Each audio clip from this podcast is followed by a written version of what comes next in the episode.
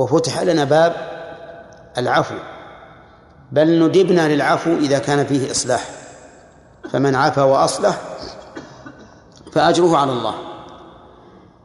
وإذا تأملت أشياء كثيرة وجدت أن الله سبحانه وتعالى خفف عن هذه الأمة ووضع عنها الآثار التي كانت على من قبلهم.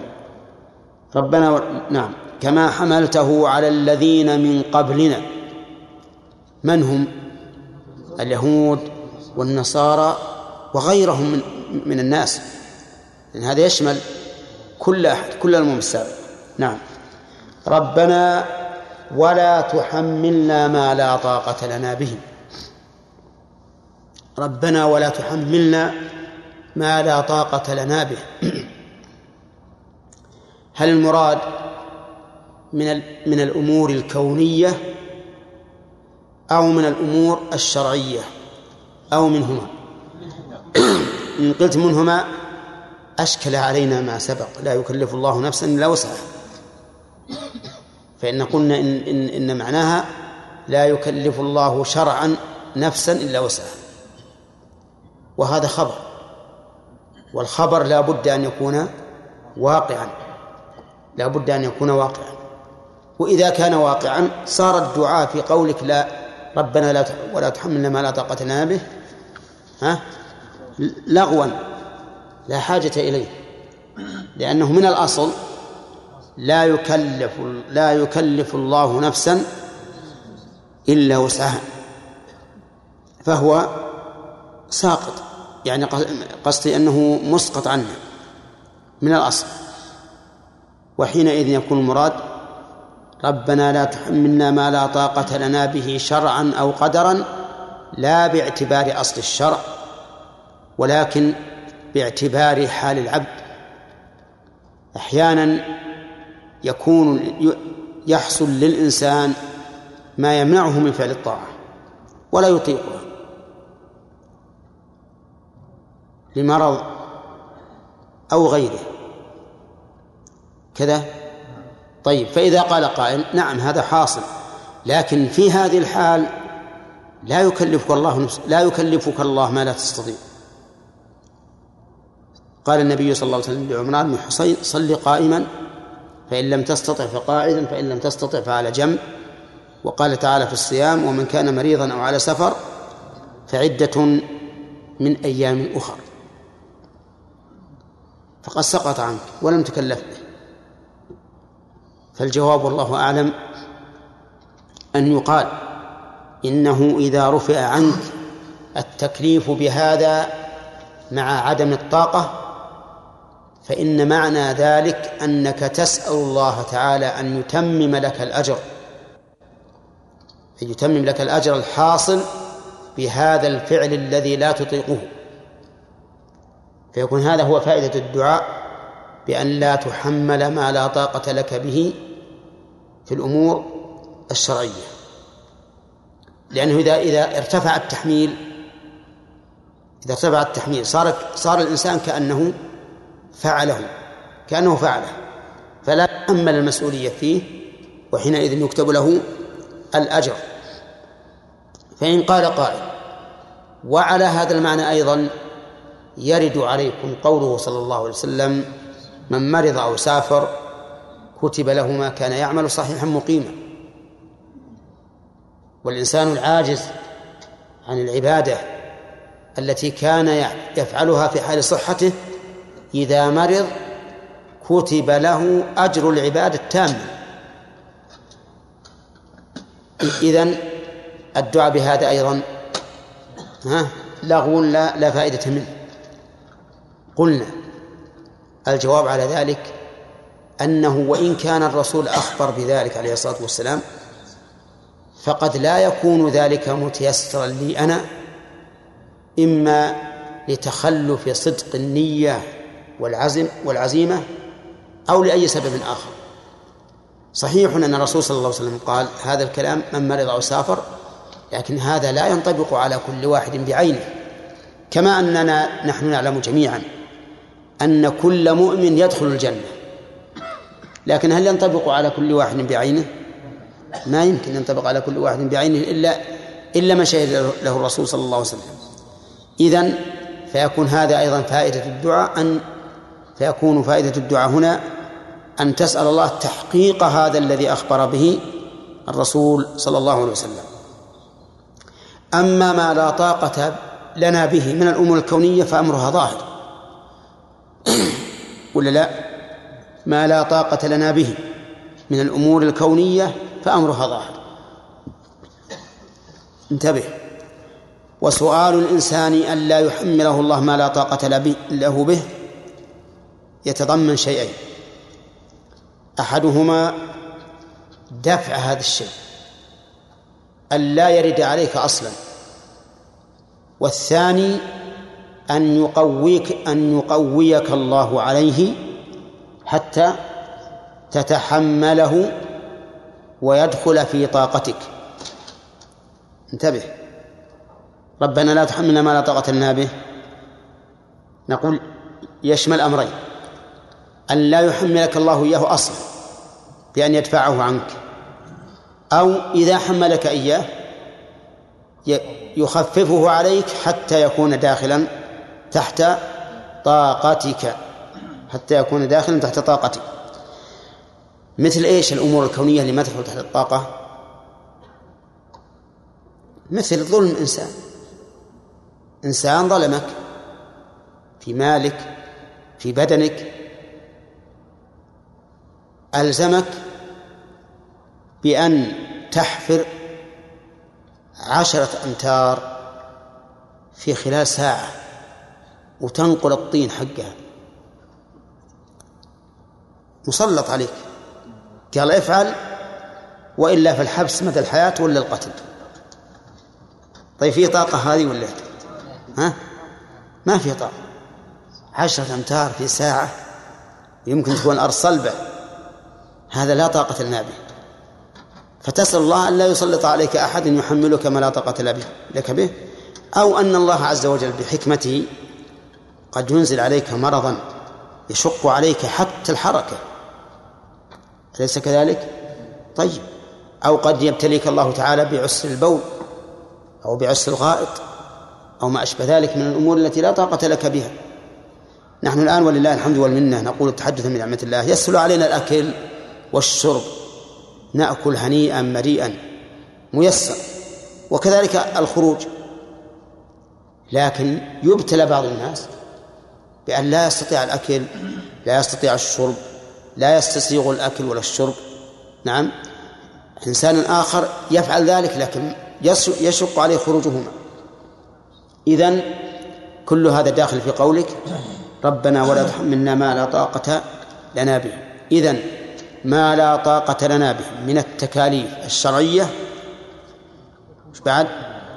والأمور القدرية. طيب. وهنا نشوف أصحاب سيبويه. وشعراب لا طاقة ما لا طاقة لنا به. ما لا طاقة لنا به. نعم. لا أحد يمد يده ولا متأكد. نبي كل كل هذه. نعم. والله شويين ها؟ طيب تفضل يا. ما لا طاقة لنا به. الماء ما في محل نصب مفعول به. أي وش مفعول به؟ إيش؟ أي نعم. لا. تأخذنا. كيف؟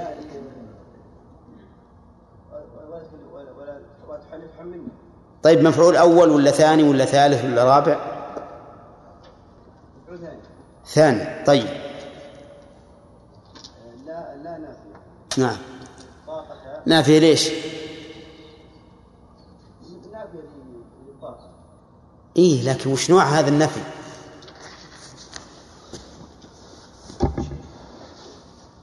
طيب. إذا عليك درجتان يلا يا محمد. أي نعم. لا لا نافية. طيب. وش عملها؟ نعم. اصبر. وش عمل إن طيب. وطاقة اسمها. نعم مبنية على الفتح في محل نصب نعم. وطاقة لنا به آه. الجار في محل رفع خبر. أي به ولا لنا؟ ولا تحملنا ما لا طاقة لنا به أي به؟ طيب ولنا؟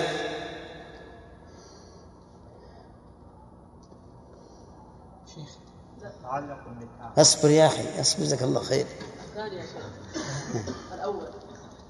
الأول الجار المجرور الأول. ما لا طاقة لنا ما لا طاقة كائنة لنا. صفة لك الطاقة أي نعم. طيب. ما لا طاقة لنا به. ثم قال واعف عنا واغفر لنا وارحمنا أنت مولانا فانصرنا. إلى آخره. لما كان الإنسان له أحوال بل له حالات حال مضت وحال مستقبلة. الحال التي مضت قد يكون مخلا بفعل الأوامر وقد يكون مرتكبا لفعل المحظور والحال المستقبلة علمها عند الله. أنتم معي؟ طيب. قال واغفر لنا هذا في مقابل فعل المحظور يغفر يعني يغفر لنا الذنوب التي فعلناها. يغفر لنا الذنوب التي عملناها. والإنسان لا يخلو من ذنب. كل بني آدم خطأ وخير الخطائين التوابون. والذنوب قد تكون في القلوب وقد تكون في اللسان وقد تكون في الجوارح. أو يكون الإنسان قد فرط في مأمور. فرط في مأمور. قصر فيه. يقابله قوله اعف عنا اعف عنا. فالعفو في مقابل التقصير في المأمور به. والمغفرة في مقابل إيش؟ فعل محظور في مقابل فعل محظور طيب وارحمنا في المستقبل. ارحمنا في المستقبل. يعني تفضل علينا بالرحمة حتى لا نقع في فعل محظور أو في تهاون في مأمور. أنتم معنا الآن؟ طيب وهذا أحسن من قول بعض المفسرين إن هذه من باب التأكيد لأن العفو والمغفرة كلها محو الذنوب والرحمة حصول المطلوب.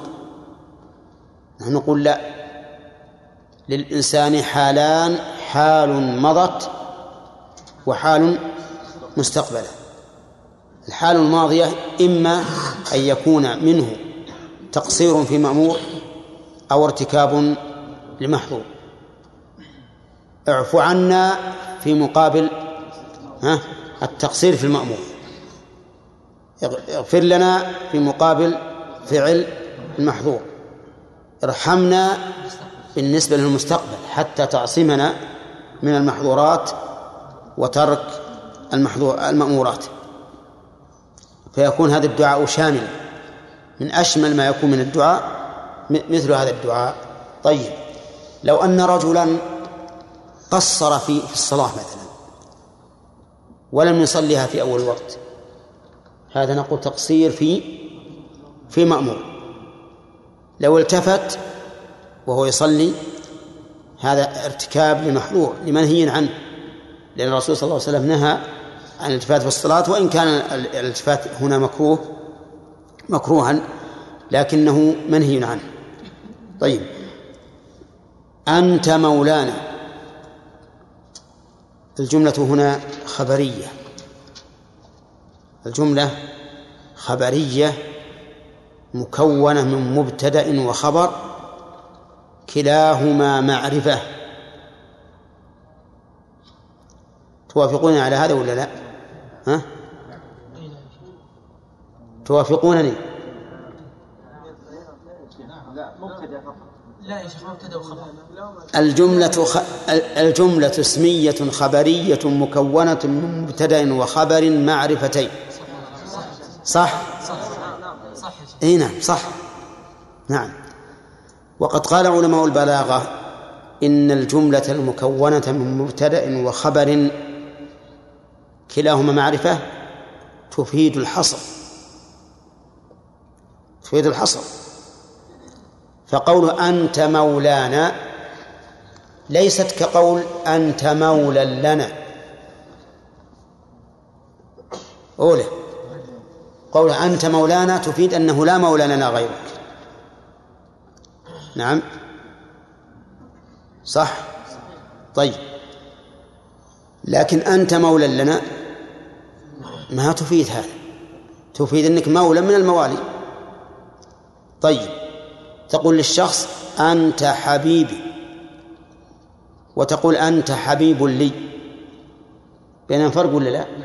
ها؟ الأول وش يدل عليه؟ الحصر. والثاني؟ ها؟ لا يدل الحصر. وتقول للكافر أنت عدو لي. لا يفيد الحصر. وتقول أنت عدوي يفيد الحصر.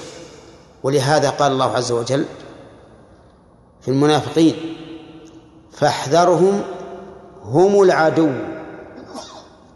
لا قبله. بالعكس هم العدو فاحذرهم.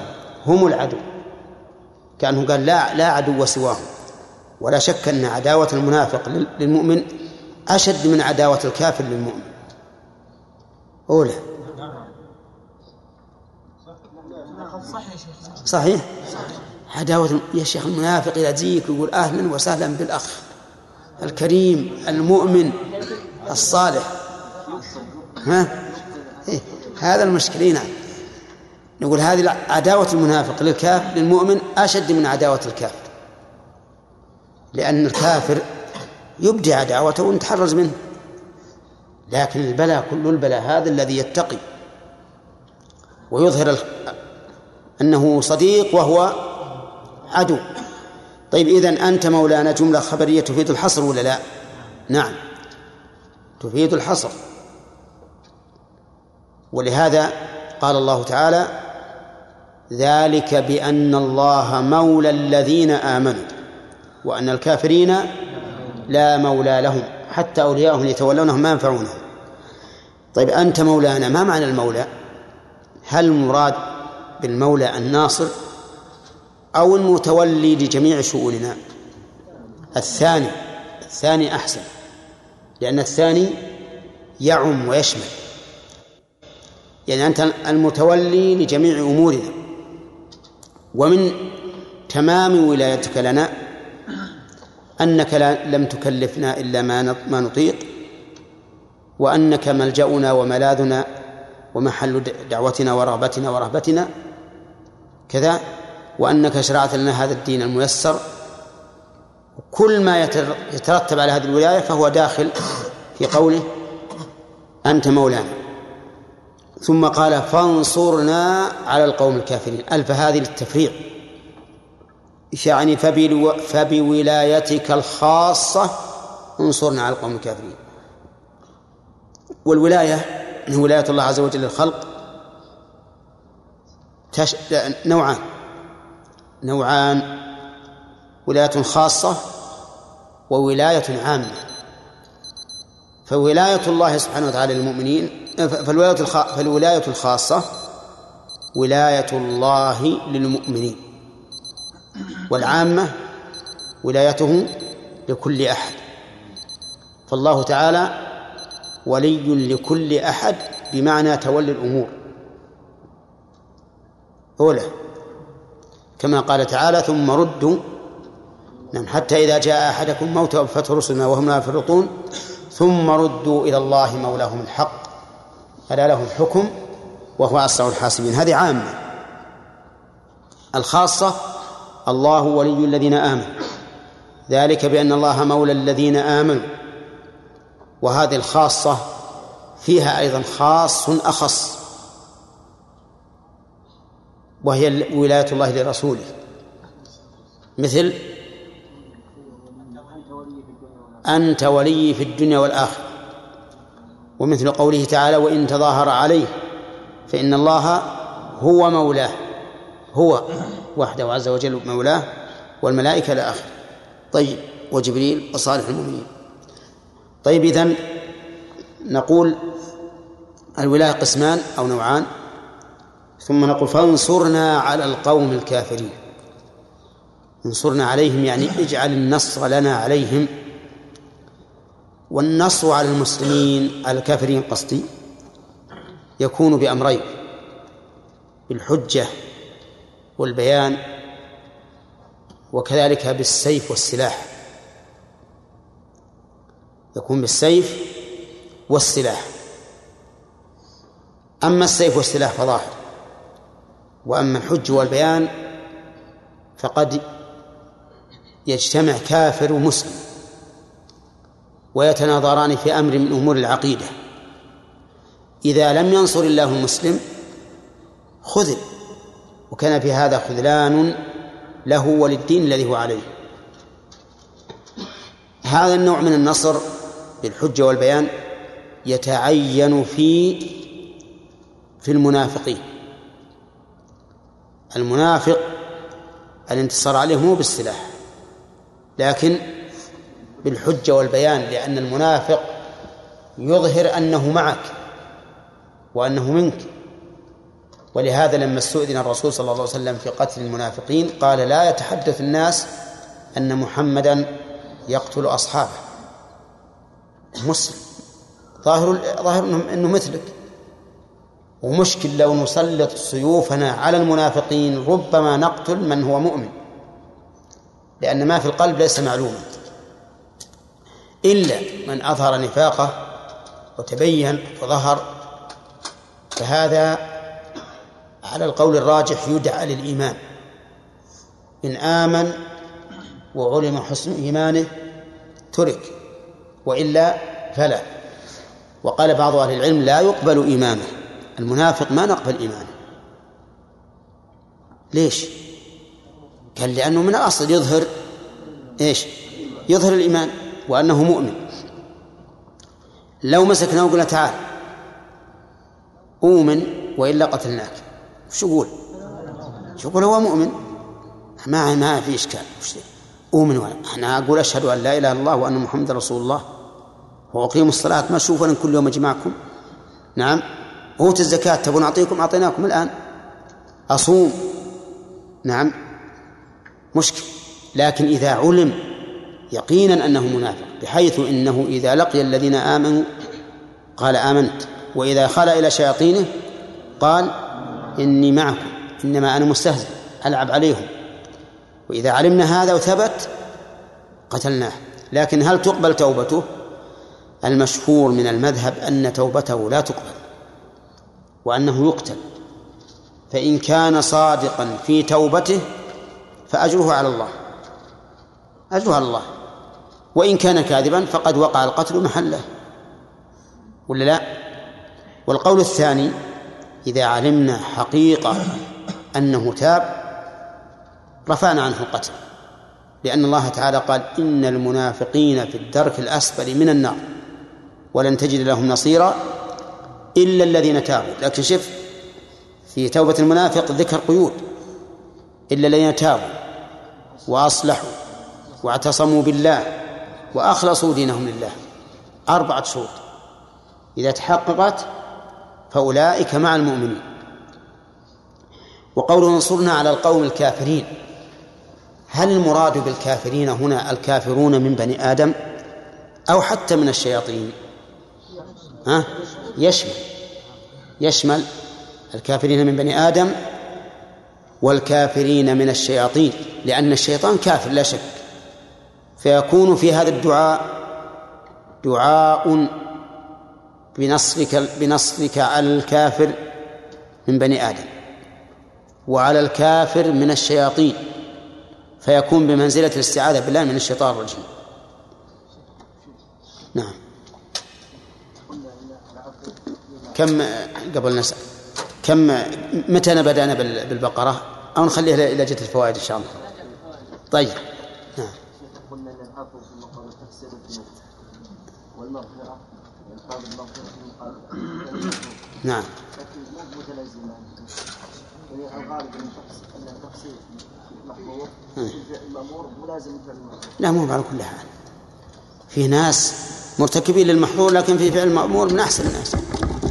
في ناس الآن يرابون يرابون لكنهم من أحرص الناس على على الصلاة والزكاة والصيام والحج. ها إيه. إيه لكن يقال ترك مأمور. حتى حتى فعل المحظور ترك لواجب الترك. هي متلازمات لكن لكن الفرق بينهما. المأمور ما طلب إيجاده والمحظور ما طلب تركه وعدمه. هذا الفرق. ولا كلهم متلازمات نعم. أي نعم. لا ما عليه. إلا إذا إلا إذا التفت بجميع بدنه. أما برأسه فليس عليه إثم ولكنه مكروه إلا لحاجة.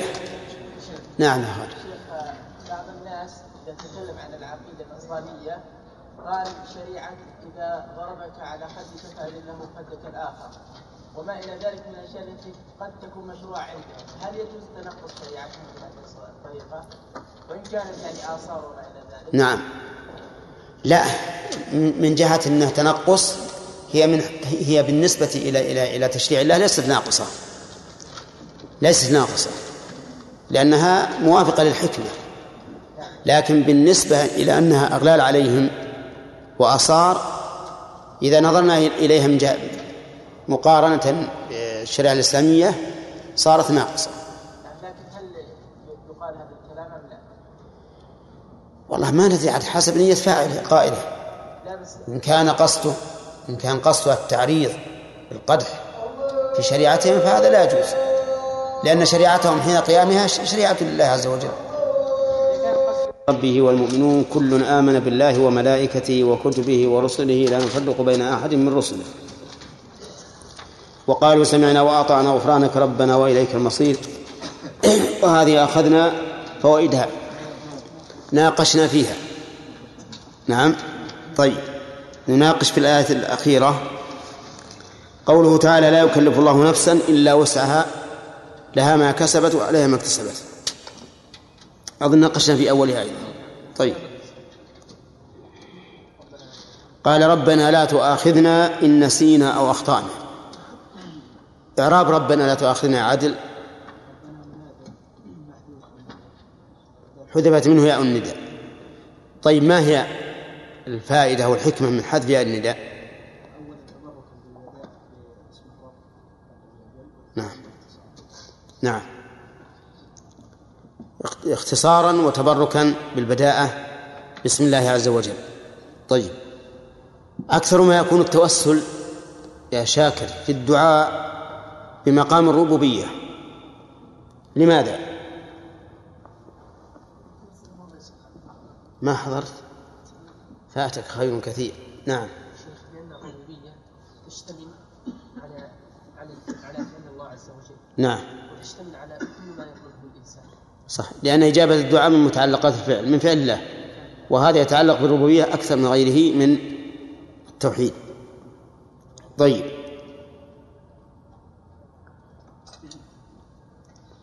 قوله إن نسينا أو أخطأنا. ما الفرق بينهما؟ النسيان هو ذهول القلب عن شيء معلوم أما الخطأ فهو فعل شيء أو مخالفة بغير قصد المخالفة. نعم. في ذلك أيضا الجهل المخالفة بغير قصد المخالفة. طيب. قوله لا تحمل علينا إصرا. يا الله أحمد. إصرا.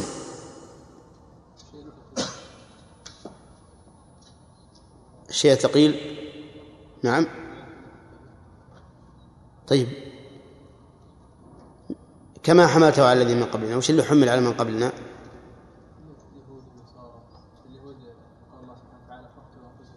ان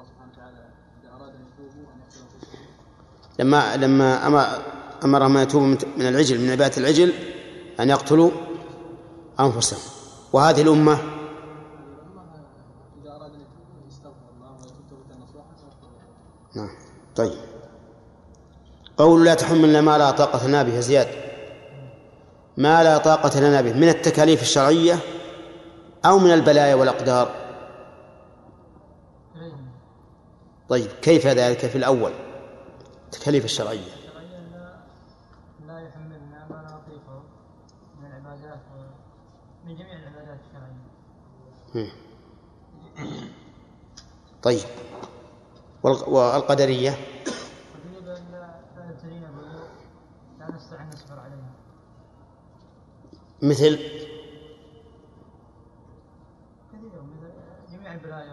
مثل مثل. نعم الفتن الحروب الجوع نعم الخوف وغير ذلك. طيب. واعف عنا واغفر لنا وارحمنا امداد الله.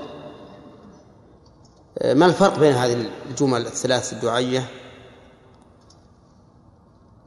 العفو هو المجاوزة عن الذنب لا. يعني متعلق هذه الأشياء ثلاثة. متعلق هذه الأشياء الثلاثة العفو يتعلق بإيش؟ كلها نعم. مصطفى. في الطاعة نعم. طاعته نعم. الغفران يكون في الخطأ الذنوب الذنوب. صح. وارحمنا في الآخرة في المستقبل في المستقبل. صح. يعني إذن العفو والمغفرة عما مضى فالعفو يتعلق بالتفريط في الواجب والمغفرة بانتهاك المحرم والرحمة في المستقبل بحيث تعصمنا من الذنوب والمخالفات. قوله أنت مولانا فانصرنا على القوم الكافرين محمد. ما معنى قوله مولانا؟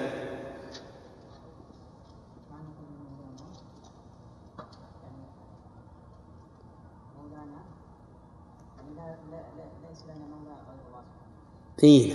لكن وش معنى المولى؟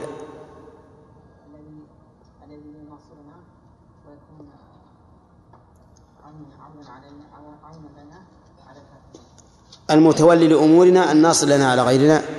طيب. هذه الجملة هل تفيد الحصر يا عبد الله السليم؟ لماذا؟ لتعرف الطرفين. أفلا يمكنك أن تأتي بمثال يبين لنا هذا؟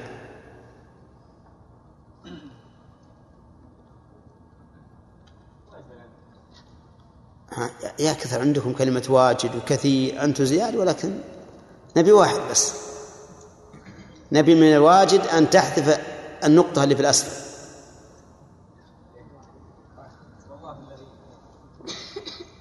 لا مثال من عندك مو بلازم من, من القرآن ومن السنة.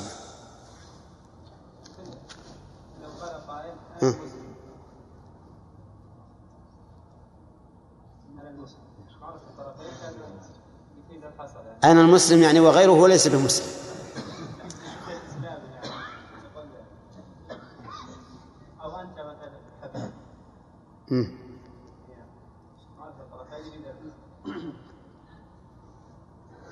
نعم.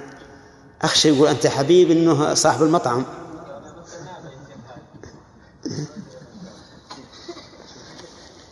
آه، على كل حال لو قلت مثلا أنت ضارب أو أنت الضارب. نعم. أولى. وين أيهن؟ لا ما هي ما هي بخطأ ما هي بخطأ ما هي بخطأ. طيب. قوله فانصرنا على القوم الكافرين ألف يا مشعل. وش معنى معناها؟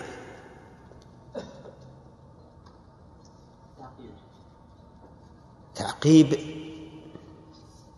لا. زيد. تفريع.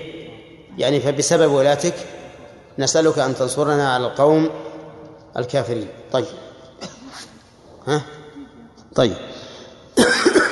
ناخذ الفوائد. قال الله عز وجل آمن الرسول بما أنزل إليه من ربه والمؤمنون إلى آخره. من فوائد هذه الآية الكريمة أن محمد رسول الله صلى الله عليه وسلم مكلف بالإيمان بما أنزل إليه. لأن قوله آمن الرسول هذا خبر يقتضي أن يكون وصفا له إن لم نقل إنه بمعنى الأمر. كذا؟ طيب وقد مر علينا في البخاري أن النبي صلى الله عليه وسلم قال أشهد أني رسول الله. في قصة دين والد جابر رضي الله عنه. طيب من فوائد الآية الكريمة أن القرآن كلام الله. لقوله بما أنزل إليه من ربه والمنزل هو الوحي. والكلام معنى والكلام وصف لا يقوم إلا بمتكلم. لا يمكن أن يقوم بنفسه. وعلى هذا فيكون في الآية دليل على أن القرآن كلام الله الوحي الذي أنزل على محمد صلى الله عليه وسلم.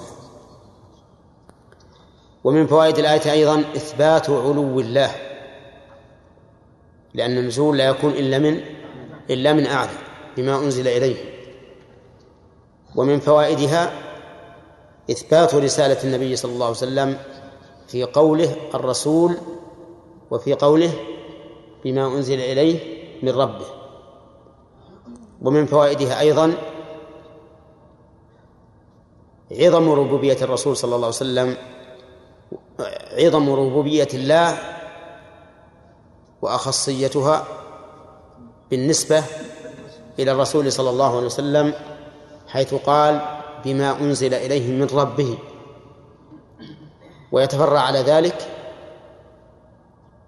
أن الله سبحانه وتعالى سينصره لأن الربوبية الخاصة تقتضي ذلك لكن لا سيما وأنه سوف يبلغ ما أنزل إليه من ربه. ومن فوائد الآية الكريمة أن أن المؤمنين تبع لرسولهم صلى الله عليه وسلم حيث قال آمن الرسول بما أنزل إليه من ربه والمؤمنون. وجه التبعية أنه ذكر المؤمن به قبل أن يذكر التابع. يعني ما قال آمن الرسول والمؤمنون بما أنزل عليه وهذا يدل على أنهم أتباع للرسول عليه الصلاة والسلام لا يستقلون بشريعة دونه. ومن فوائدها أيضا أنه كلما كان الإنسان أقوى إيمانا بالرسول صلى الله عليه وسلم كان أشد اتباعا له. وجهه أنه قال بما أنزل إليه من ربه والمؤمنون يعني آمنوا بما أنزل إلى محمد صلى الله عليه وسلم من ربه وعليه فكل من كان فكل من كان أقوى إيمانا كان أشد اتباعا. و و و ومن فوائدها أيضا إيه نعم وممكن العكس. ومن فوائدها أيضا أن إيمان الرسول عليه الصلاة والسلام والمؤمنين شامل. لكل أصول الدين. لقوله كل آمن بالله وملائكته وكتبه ورسله. كذا. كل آمن بالله وملائكته وكتبه ورسله. ويبقى عندنا إشكال. وهو أنه لم يذكر الإيمان باليوم الآخر والإيمان بالقدر. والجواب على ذلك أنه في ضمن الإيمان بالكتب والرسل لأن الإيمان بالقدر والإيمان باليوم الآخر مما جاءت به نعم الكتب والرسل. فيكون داخلا في ضمن الإيمان بالرسل والإيمان بالكتب. طيب ومن من فوائد الآية الكريمة إثبات الملائكة. إثبات الملائكة. لقوله وملائكته ووجوب الإيمان بهم. لقول كل آمن بالله وملائكته. وقد سبق لنا في التفسير أن عن كيفية الإيمان بهم. أن نؤمن بأسمائهم ما علمنا منها وبأوصافهم وبأعمالهم. إيش بعد؟ وبوظائفهم. نعم. و... الأعمال الخاصة بهم والوظائف التي يقومون بها كالكتبة وحفاظ بني آدم وما أشبه ذلك. والأعمال التي يقومون بها على وجه خاص كالذين يركعون ويسجدون وما أشبه ذلك. طيب ومن فوائد الآية الكريمة أن الإيمان بالرسل ليس فيه تفريق. لا نقول مثلا نؤمن بمحمد عليه الصلاة والسلام ولكن لا نؤمن بعيسى لأن عيسى من بني إسرائيل لا. نحن لا نفرق بين الرسل. وقد وقد سبق لنا معنى قولهم معنى قوله لا نفرق. نعم. من فوائد الآية الكريمة أن من صفات المؤمنين السمع والطاعة. السمع والطاعة. لقوله وقالوا سمعنا وأطعنا. وذكرنا في التفسير أن الناس ينقسمون في هذا المقام إلى ثلاثة أقسام. معرض لا يسمع ولا يطيع والثاني سامع مطيع عكسه. والثالث سامع غير مطيع. وهذا أشد من من الأول. طيب ومن فوائد الآية الكريمة أن كل أحد محتاج إلى مغفرة الله. لقوله غفرانك. فكل إنسان محتاج إلى المغفرة. حتى النبي عليه الصلاة والسلام محتاج إلى المغفرة. ولهذا لما قال عليه الصلاة والسلام لن يدخل الجنة أحد بعمله قالوا ولا أنت يا رسول الله؟ قال ولا أنا إلا أن يتغمدني الله برحمته. وقال الله تعالى إنا فتحنا لك فتحا مبينا ليغفر لك الله ما تقدم من ذنبك وما تأخر. كل إنسان محتاج للمغفرة ومن ذهب من أهل العلم إلى أن الرسول صلى الله عليه وسلم لا يقع منه الذنب وأن الاستغفار الذي يقع منه إنما هو للتعليم فقط فقد أبعد النجعة. كما أن من قال إن الاستغفار الذي كان الرسول يقوم به كان استغفارا لذنوب أمته. وهذا أيضا خطأ. لأن الله قال له واستغفر لذنبك وللمؤمنين والمؤمنات. فخص ذنبه ثم قال وللمؤمنين والمؤمنات. واعلم أن الإنسان قد يكون بعد الذنب أعلى مقاما منه قبل الذنب.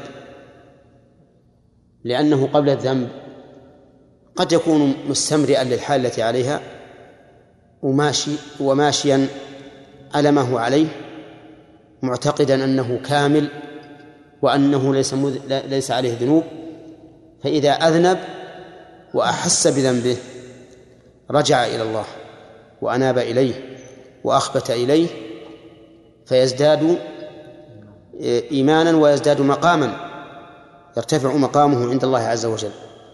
ولهذا قال الله تعالى في آدم وعصى آدم ربه فغوى ثم اجتباه ربه.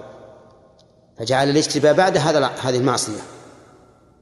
اجتباه فتاب عليه وهدى. وهذا كثيرا ما يقع. إذا أذنب الإنسان عرف قدر نفسه وأنه محتاج إلى الله ورجع إلى الله وأحس بالخطيئة وأكثر من الاستغفار وصار مقامه بعد الذنب أعلى من مقامه قبل الذنب. طيب. من فوائد الآية الكريمة إثبات أن المصير إلى الله عز وجل في كل شيء لقوله وإليك المصير. وإليك المصير. وقد سبق لنا في التفسير أن المراد بذلك المصير إلى الله في الآخرة والمصير إلى الله في الدنيا أيضا. فهو الذي يحكم بين الناس وما اختلفتم فيه من شيء فحكمه إلى الله. ثم قال عز وجل لا يكلف الله نفسا إلا وسعها إلى آخره. يستفاد من هذه الآية الكريمة بيان رحمة الله سبحانه وتعالى بعباده حيث لا يكلف إلا ما استطاعوا. ولو شاء أن يكلفهم ما لم يستطيعوا لفعل. فإذا قال قائل كيف يفعل وهم لا يستطيعون؟ وما الفائدة؟ أن يأمرهم بشيء لا يستطيعونه. قلنا الفائدة أن يعاقبهم على عدم الفعل. هذه الفائدة أنه لو كلفهم بما لا يستطيعون وعجزوا عاقبهم على ذلك. لكن من رحمته سبحانه وتعالى أن ما لا ما لا نستطيع فإننا لا نكلف به. وهذه قاعدة عظيمة من أصول الشريعة. لا يكلف الله نفسا إلا وسعها ولها نظائر في القرآن وكذلك في السنة.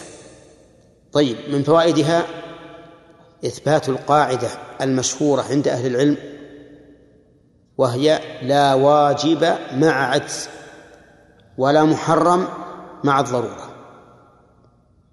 لا واجب مع عجز ولا محرم مع الضرورة. انتبه.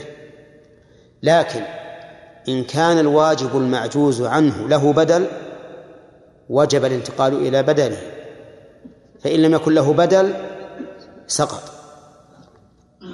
وإن عجز عن بدله وهو له بدل سقط. كذا ولا لا؟ طيب مثال ذلك. إذا عجز عن الطهارة بالماء سقطت سقط عنه وجوب التطهر بالماء. لكن ينتقل إلى التيمم.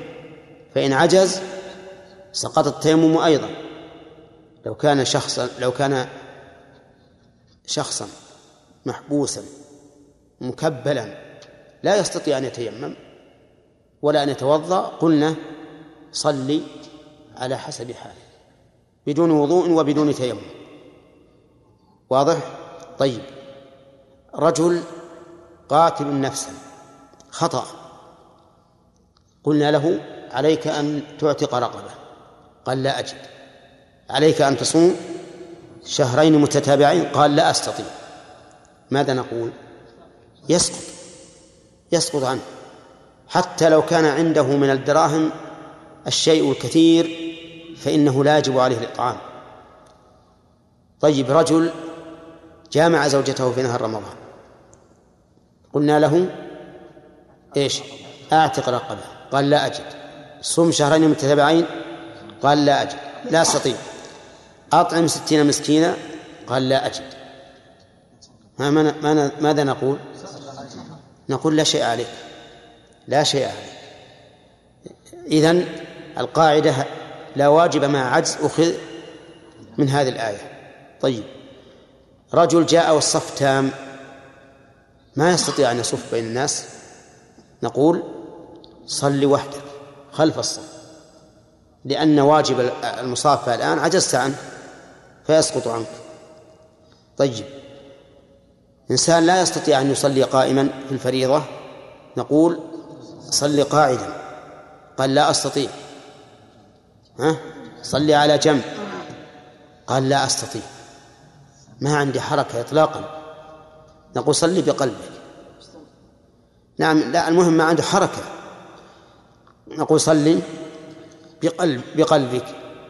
فالقاعدة هذه والحمد لله مضطردة لا تنخرم أبدا. طيب المحظورات.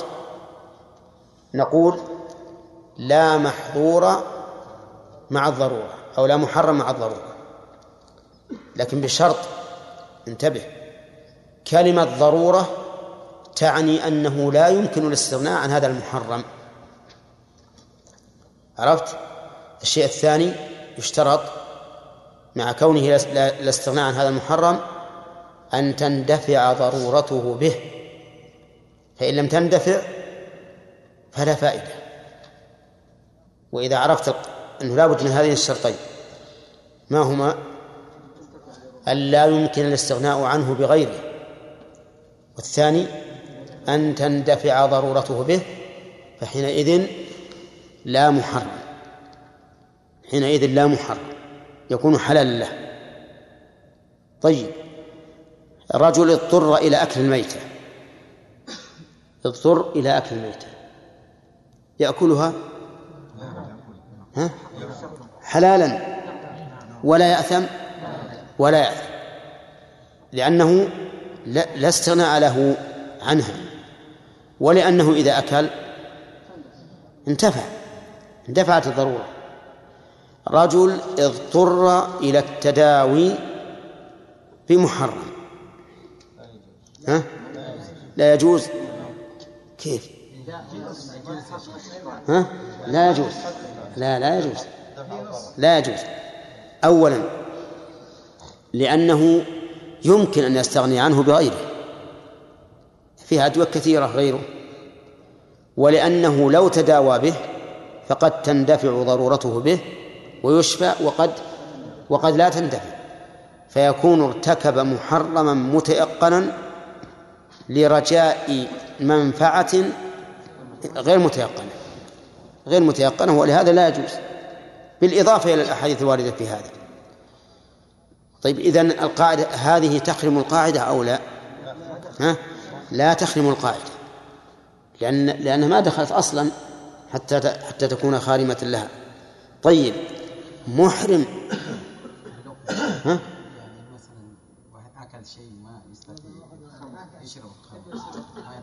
أولا يا آدم. هذا ممنوع هذا السؤال. ولا لا؟ هي. لكن هو الآن سيريد نقضا لقاعدتنا. الظاهر قصده.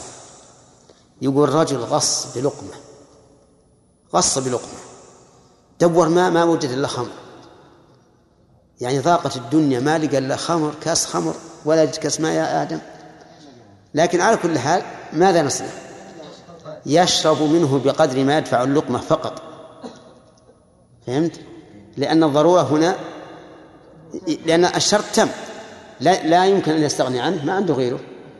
وتندفع به الضرورة. واضح؟ طيب. ولا ولا ينقل يا شيخ هو المشروب هذا ما هو مقصود به علاج ولكن دفع اللقمة فقط. إي نعم نعم هو ما هو- ما هو داعي طيب خلاص ما لا أحد يسأل. محرم يحتاج إلى حلق رأسه إلى حلق رأسه. اضطر إلى ذلك اضطر إلى ذلك لدفع أذى فحلقه. يجوز ولا لا؟ نعم لا محرم مع الضرورة. يجوز يأتي بالموسى ويحلقه وهو مستريح البال. لكن أوجب الله عليه فدية من صيام أو صدقة أو نسك. أو نسك. كيف ذلك؟ قال العلماء لأن هذا الذي انتهك هذا المحرم ما انتهكه لضرورة إليه نفسه لكن لدفع ضرورته به. لدفع ضرورته به. ولهذا القاعدة عندهم الفقهية من أتلف شيئا لدفع أذاه فلا ضمان. ومن أتلف شيئا لدفع أذاه به ضمنه. ها؟ هذا القاعدة. طيب من أتلف شيئا لدفع أذاه لم يضمنه. ومن أتلفه لدفع أذاه به ضمنه. كلام معلوم؟ معلوم عندك يا عبد الله؟ أي. يبي طبخ. طيب. من أتلف شيئا لدفع أذاه لم يضمنه صال عليك صيد وأنت محرم. والصيد يحرم على المحرم قتله. أليس كذلك؟ يا أيها الذين آمنوا لا تقتلوا الصيد وأنتم حرم. خفت على نفسك ولم يندفع هذا الصيد إلا بقتله فقتلته. عليك ضمان؟ ها؟ لا. لأنك دفعت أذاه. فهو الذي أسقط حرمته بالأذى. واضح؟ جعت. جعت. واحتجت إلى قتل الصيد لتأكله. فقتلته. وأكلت. قتلك إياه حلال لأنك مضطر. لكنك تضمنه. لماذا؟ لأنك لم تقتله لدفع أذاه ولكن لدفع أذاك به لدفع أذاك وتضررك به. المحرم إذا إذا حلق رأسه لإزالة القمل لإزالة القمل فهنا ما ما حلق الشعر من أجل الشعر الشعر ما جاء منه مضرة. لكنه حلقه لإيش؟ لدفع أذاه به لأن إذا حلقه ذهب القمل. صار نظيفا ولا فيه ظل يستظل به القمل فاستفاد. ولهذا أوجب الله فيه الفدية من صيام أو صدقة أو نسك لأنه أتلفه لدفع أذاه به. ولهذا يقول الفقهاء إذا نزلت شعرة بعينه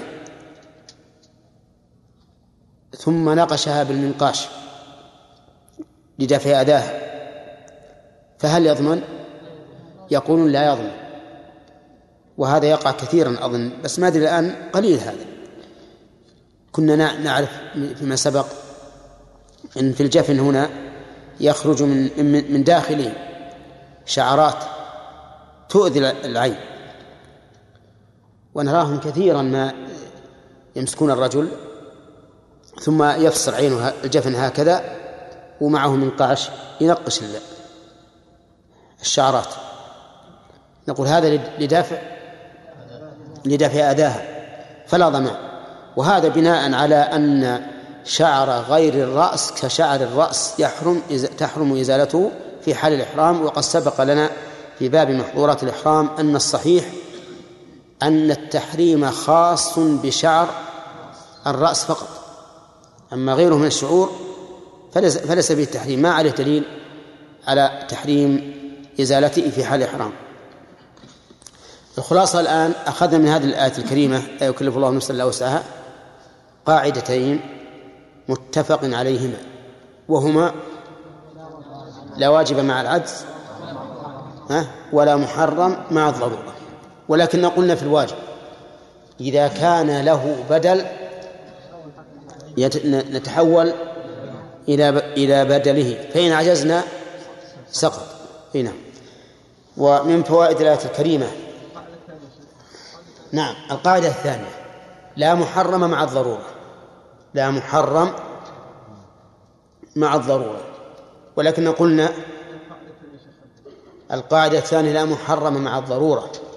ولكن قلنا إنه يجب أن نعلم ما معنى الضرورة.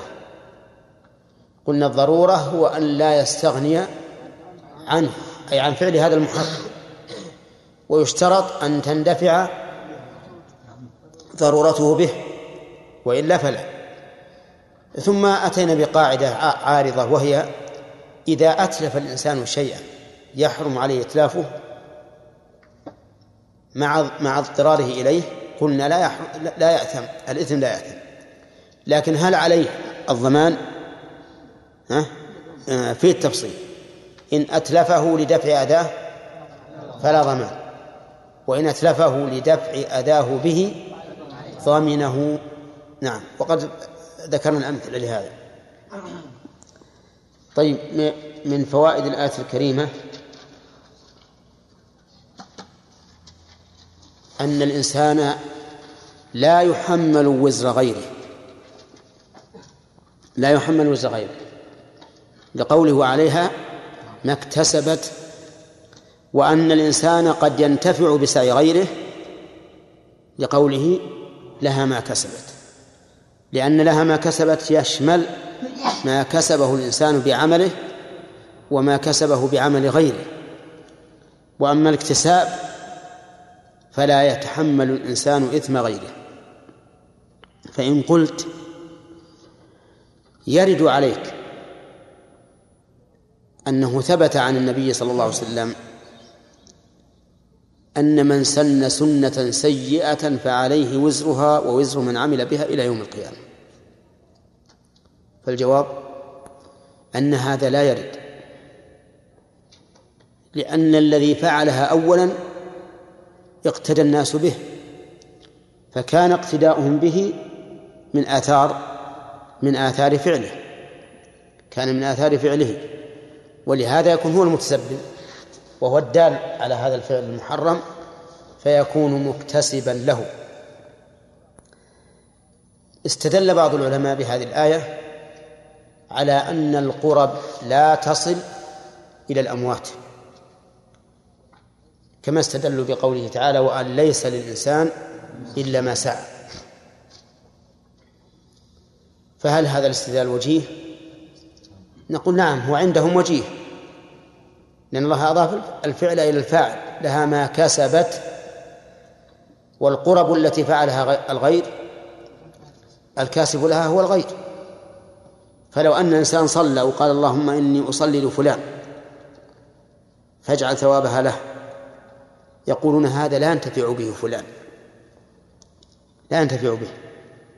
لو تصدق وقال اللهم اجعل صدقتي هذه لفلان فاجعل ثوابها له. اللهم إن صدقتي هذه لفلان فاجعل ثوابها له. يقولون لا ينفع إلا أنهم يستثنون ما جاء به النص. لأن الله يقول لها ما كسبت وأن ليس للإنسان إلا ما سعى. ولكن الصحيح خلاف ذلك.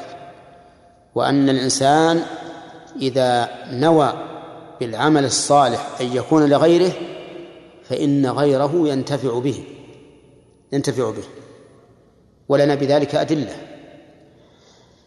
منها حديث سعد بن عبادة رضي الله عنه أنه أنه كان له مخراف يعني بستان فأراد أن يتصدق به عن أمه فسأل النبي صلى الله عليه وسلم عن ذلك فقال نعم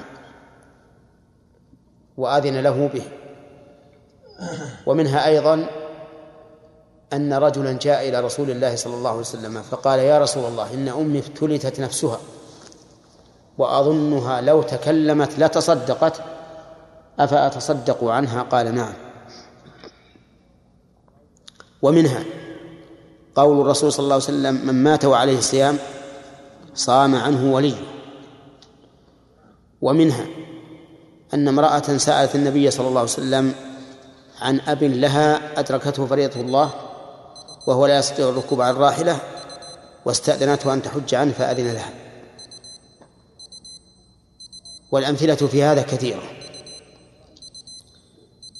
فإن قالوا ما ورد به النص نقتصر عليه وما لم يرد به لا لا لا, لا ندخله. فالجواب أن يقال إن هذه قضايا أعيان.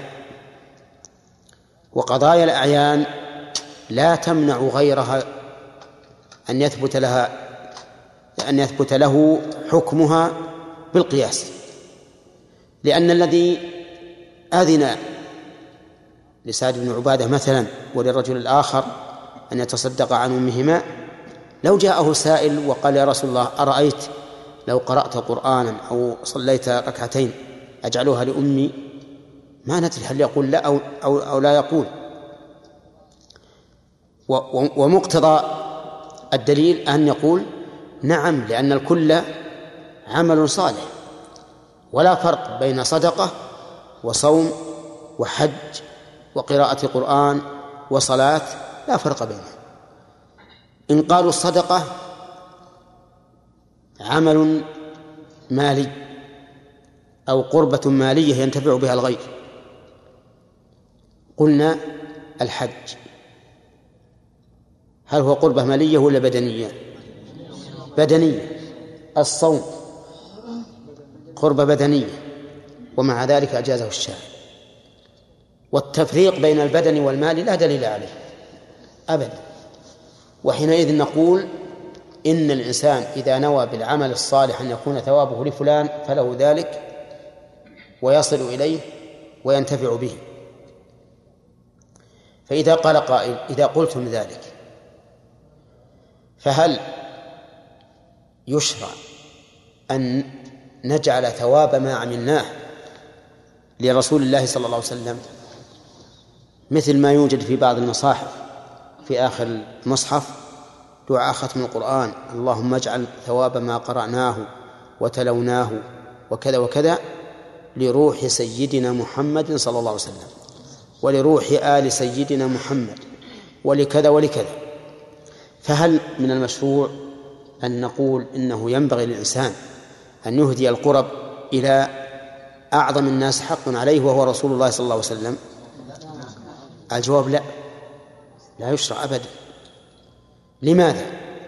لأنك مهما عملت من عمل فإن ثواب العمل هذا يصل إلى الرسول صلى الله عليه وسلم. أهديت أم لم تهد؟ لأنه هو الدال على هذا العمل. فليس بحاجة. وأنت إذا أهديت ثواب عملك عليه إليه فحقيقة الأمر أنك حرمت نفسك من ثواب هذا العمل لأن ثواب هذا العمل حاصل للرسول عليه الصلاة والسلام. إذا ليس بمشروع. طيب هل يشرع هل يشرع أن أهدي الثواب لأقاربي نعم للأقارب. نعم يقول بعض العلماء لا يشرع لأن هذا إنما ورد في الأصل يعني في الأصول. ورد في الأصول. فنقول له هذا خطأ. الذي ورد في الأصول ليس قولا. يفيد العموم للأمة إنما هي قضية عين. سعد بن عبادة استأذن أن يجعل ذلك لأمه والرجل الآخر استأذن أن يكون لأمه.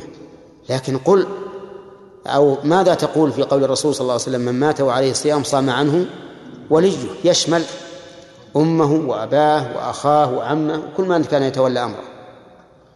فتخصيص هذا بالأبوين ليس عليه دليل. طيب. إذا قال قائل هل من المشروع أن أهدي الثواب للأقارب من آباء أو غيرهم؟ فالجواب لا ليس من المشروع لكنه من الأمور الجائزة التي لم يمنع منها رسول الله صلى الله عليه وسلم. وإن و ومع كونه لم يمنع منها أرشد إلى ما هو أح- أهم وأولى وهو الدعاء حيث قال إذا مات الإنسان انقطع عمله إلا من ثلاثة إلا من صدقة جارية أو علم ينتفع به أو ولد صالح يدعو له. تأمل الآن؟ سياق الحديث في العمل ولا لا؟ ها؟ في العمل. إذا مات الإنسان انقطع عمله. وعدل عن قوله أو ولد صالح يعمل له إلى قوله أو ولد صالح يدعو له. وهذه إشارة واضحة إلى أن العمل للغير ليس بمطلوب من الإنسان. ليس بمطلوب. الدعاء أفضل. ولذلك لا نجد هذا موجودا بكثرة في عهد الصحابة رضي الله عنهم مع حرصهم على الخير والإحسان.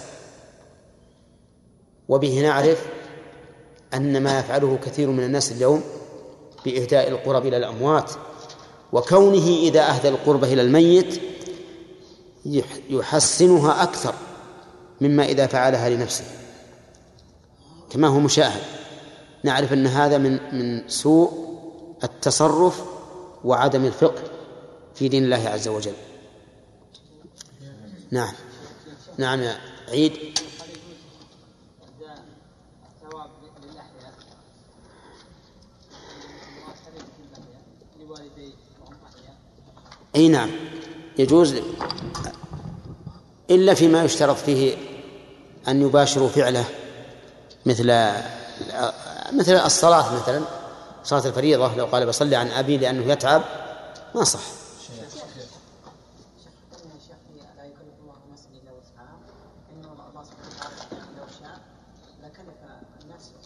نعم. نعم لقوله تعالى وما تشاءون احسنت اي نعم عن يعني تكليف تكليف الانسان في ما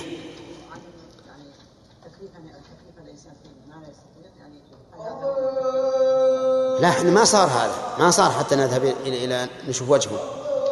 نقول لو شاء وذكرنا الحكمة قلنا الحكمة من ذلك أن يعاقبهم اذا إذا أبوا.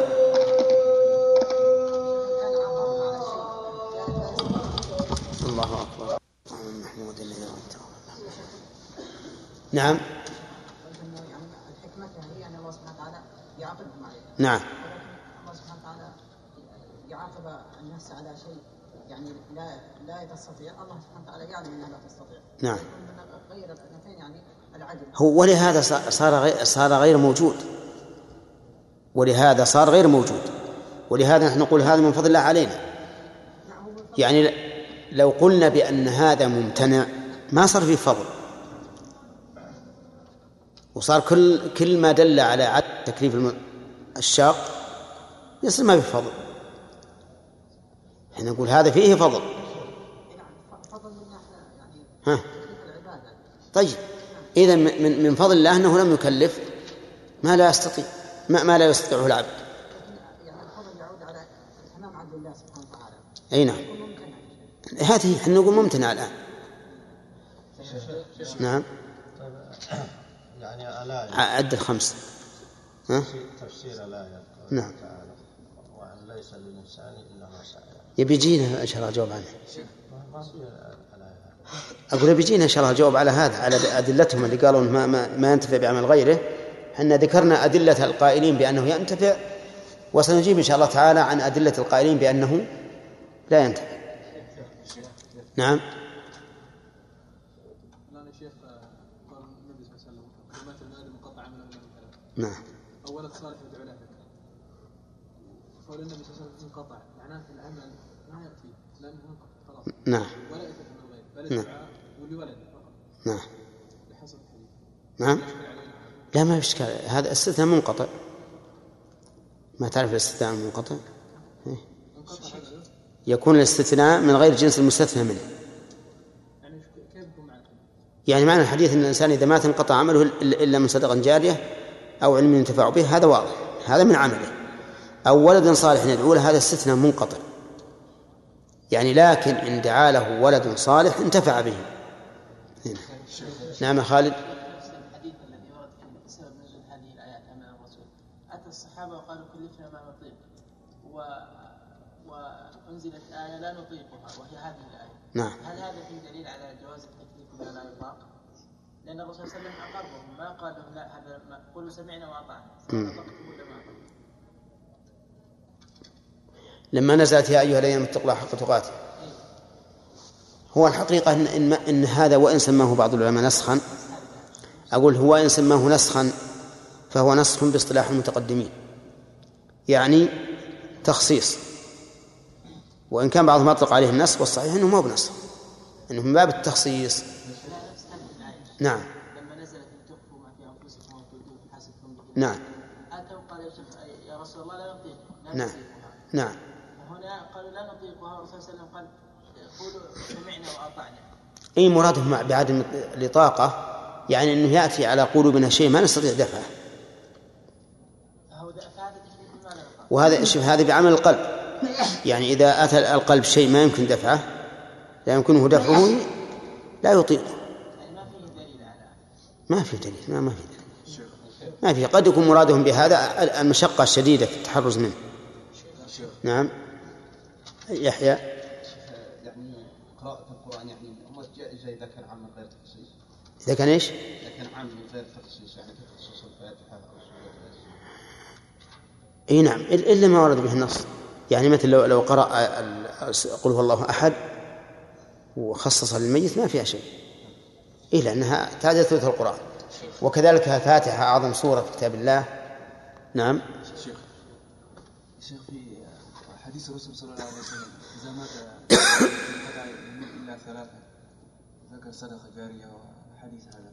ولو اكتسب الإنسان يعني مثلا واحد بنى ملاهي مثلا ومات هل الملاهي هذا من دخل فيه و يعني ارتكب إثم؟ هل هذا الاسم هو يجب وزره إيه نعم نعم. يجب وزره إيه إيه نعم. إذا هذا من من قطع منه؟ ما هو هذا مثل صدقة الجارية. ال- بس هذا ما هو هذا عقوبة جارية. شيخ شيخ نعم. شيخ بالنسبة لذات هذا الانسان عمل سيء للناس. نعم. مثلا بصنم نعم. إيه. اليس يجب عليه كسر الصنم هذا. ما استطاع. إذا ما استطاع سقط عنه التكليف. إيه. نعم حسين. قال تعالى ولا تحملنا ما لا طاقة لنا به. ما يدخل في تحت قوله تعالى قد فعلت إيش قد فعلت أو ما زياد قد فعلت ليش ما تحط هذه الآية إيه. كل هذه الجمل يقول قد قد فعلت. إيش؟ أي نعم نعم نعم.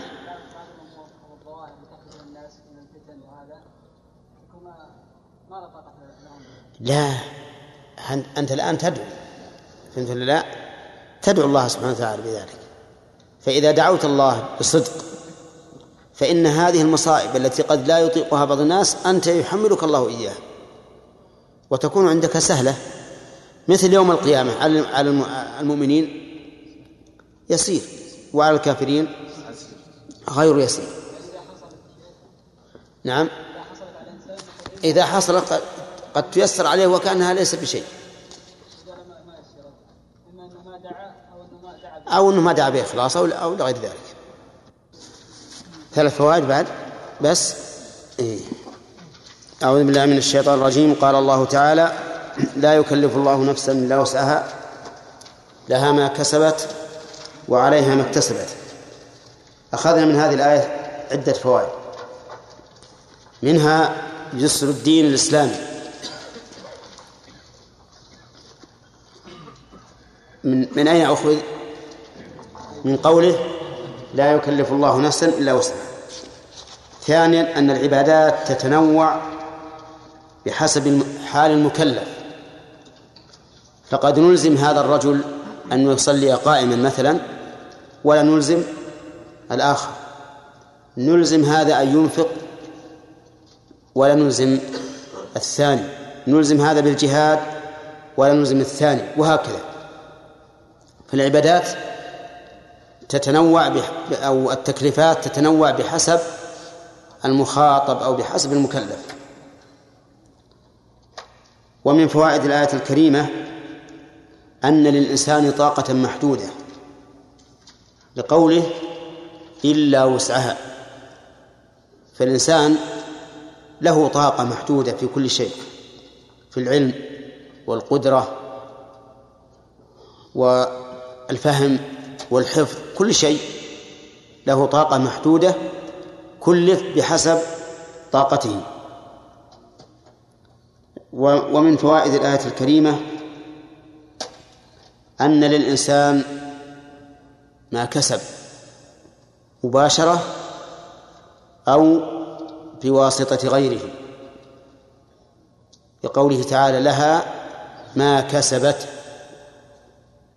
ومن فوائد الآية الكريمة أنه لا يمكن للإنسان أن يظلم ببخس حسنة واحدة من حسناته بدليل قوله ما كسبت وما هذه اسم موصول تفيد العموم أي كل ما كسب. ومن فوائد الآية الكريمة أيضا أن على الإنسان وزر ما اكتسب. وزر ما اكتسب لقوله ما اكتسبت. ويتفرع على اختلاف التعبير أنه لا يؤاخذ بالهم بالسيئة. لقوله اكتسب والتاء تدل على على إيش؟ على الفعل والمباشرة. بخلاف الثواب في الأعمال الصالحة فإن الإنسان يثاب على نيته. ولهذا قال ما كسبت. ومنها أنه لا يجوز أن يحمل الإنسان غيره وزر نفسه ويجوز أن يجعل ثواب العمل الصالح لغيره.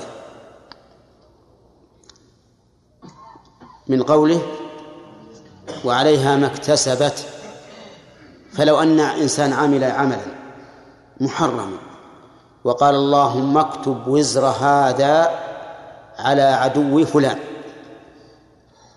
يمكن؟ طيب. عمل عملا صالحا وقال اللهم اكتب أجر هذا لأبي أو أخي أو لفلان من, من الناس. هذا يصح. وهذا هو الفائدة من قوله اقرب بها. من قول لها ما كسبت وعليها ما اكتسبت. ومن فوائد الآية الكريمة أن الأعمال الصالحة كسب والأعمال السيئة غرم. وذلك مأخوذ من من قوله لها ومن قوله عليها. فإن على ظاهرة في أنها غرم واللام ظاهرة في أنها كسب. ومن فوائد الآية الكريمة رحمة الله سبحانه وتعالى بالخلق حيث علمهم دعاء يدعونه به واستجاب لهم إياه. في قوله ربنا لا تؤاخذنا إن نسينا أو أخطأنا. ومن فوائدها أنه ينبغي للإنسان أن يتوسل في الدعاء بالوصف المناسب مثل الربوبية التي بها الخلق والتدبير. ولهذا أكثر الأدعية اللي في القرآن كلها مصدرة بوصف الربوبية مثل ربنا أو ربي. وقال نوح ربي لا تذر على الأرض من الكافرين ديارا. وقال إبراهيم ربي إنهن أضللن كثيرا من الناس وما أشبه ذلك. طيب ومن فوائد الآية الكريمة رفع المؤاخذة بالنسيان والجهل. لقوله لا تؤاخذنا إن نسينا أو أخطأنا. فقال الله تعالى قد فعلت.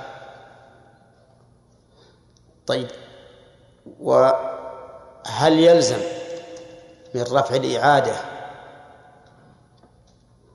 سقوط الطلب؟ الجواب لا. لا يلزم من رفع المؤاخذة سقوط الطلب. فمن ترك الواجب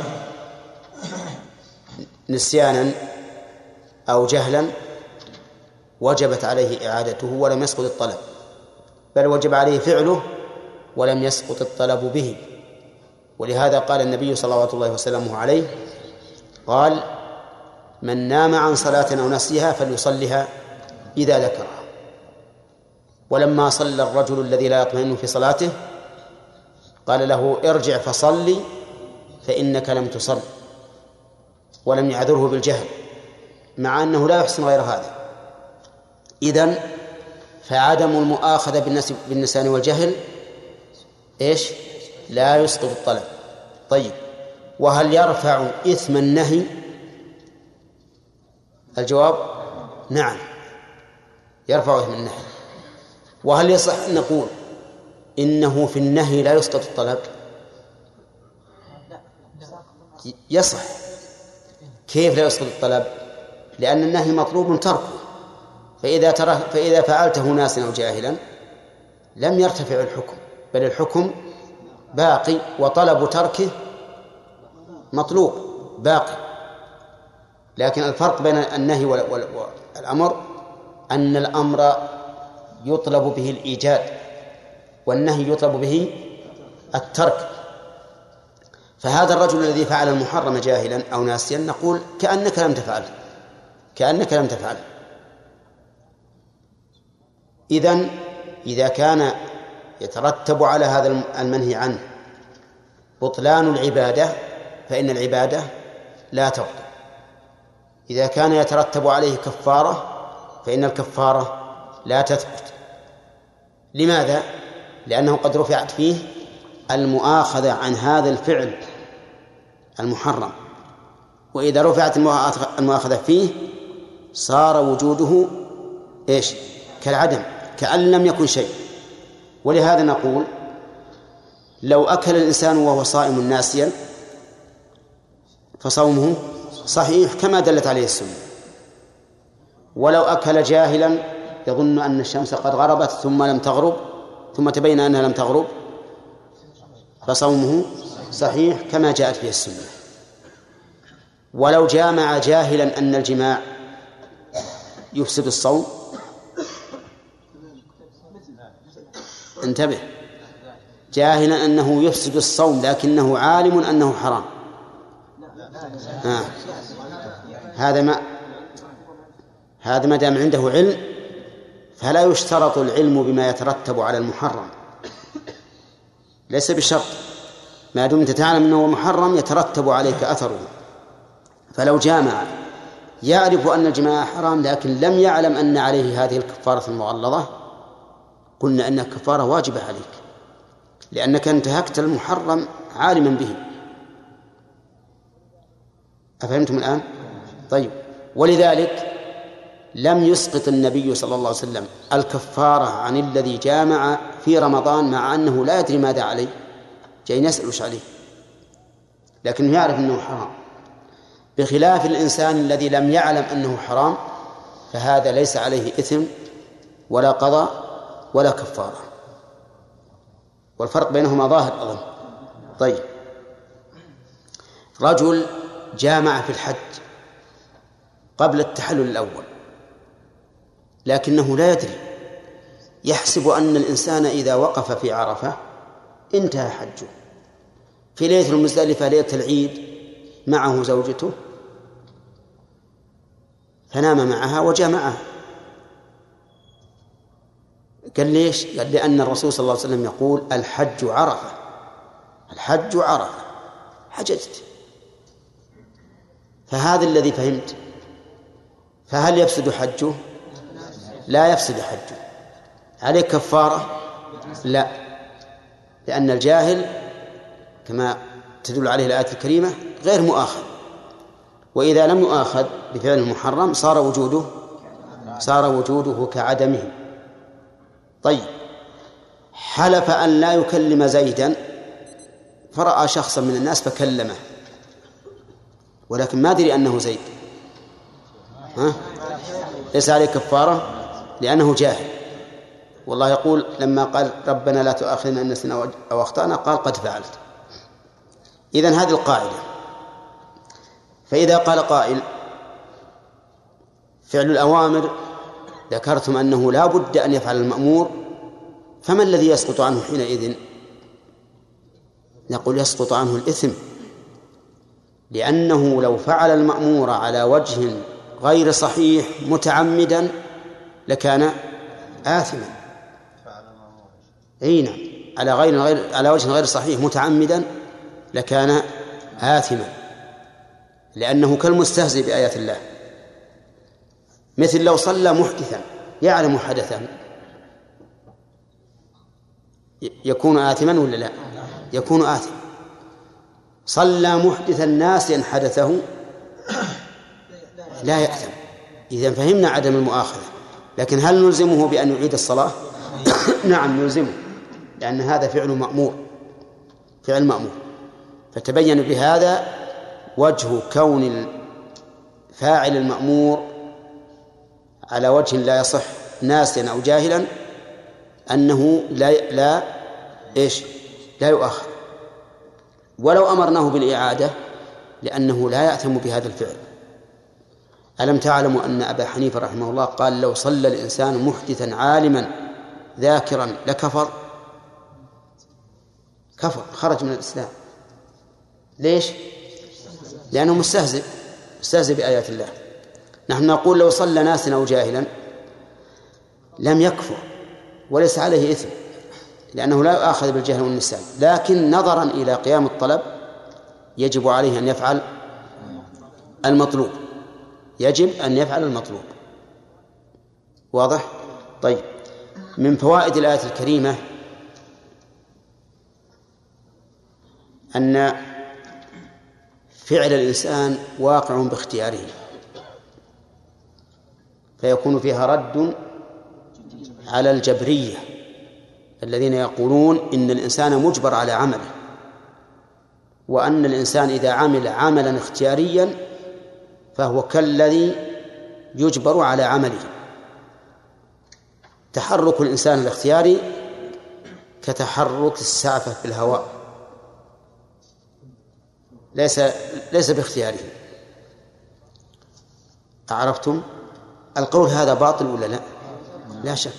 باطل سمعا وعقلا. أما السمع فإن الآيات فإن النصوص كثيرة في أن فعل الإنسان واقع بإرادته. منكم من يريد الدنيا ومنكم من يريد الآخرة. لمن شاء منكم أن يستقيم. وأما العقل فلأن الإنسان لو كان مجبرا على عمله لكان عقوبة الله له ظلما. إذ كيف يجبره على شيء ثم يعاقبه عليه؟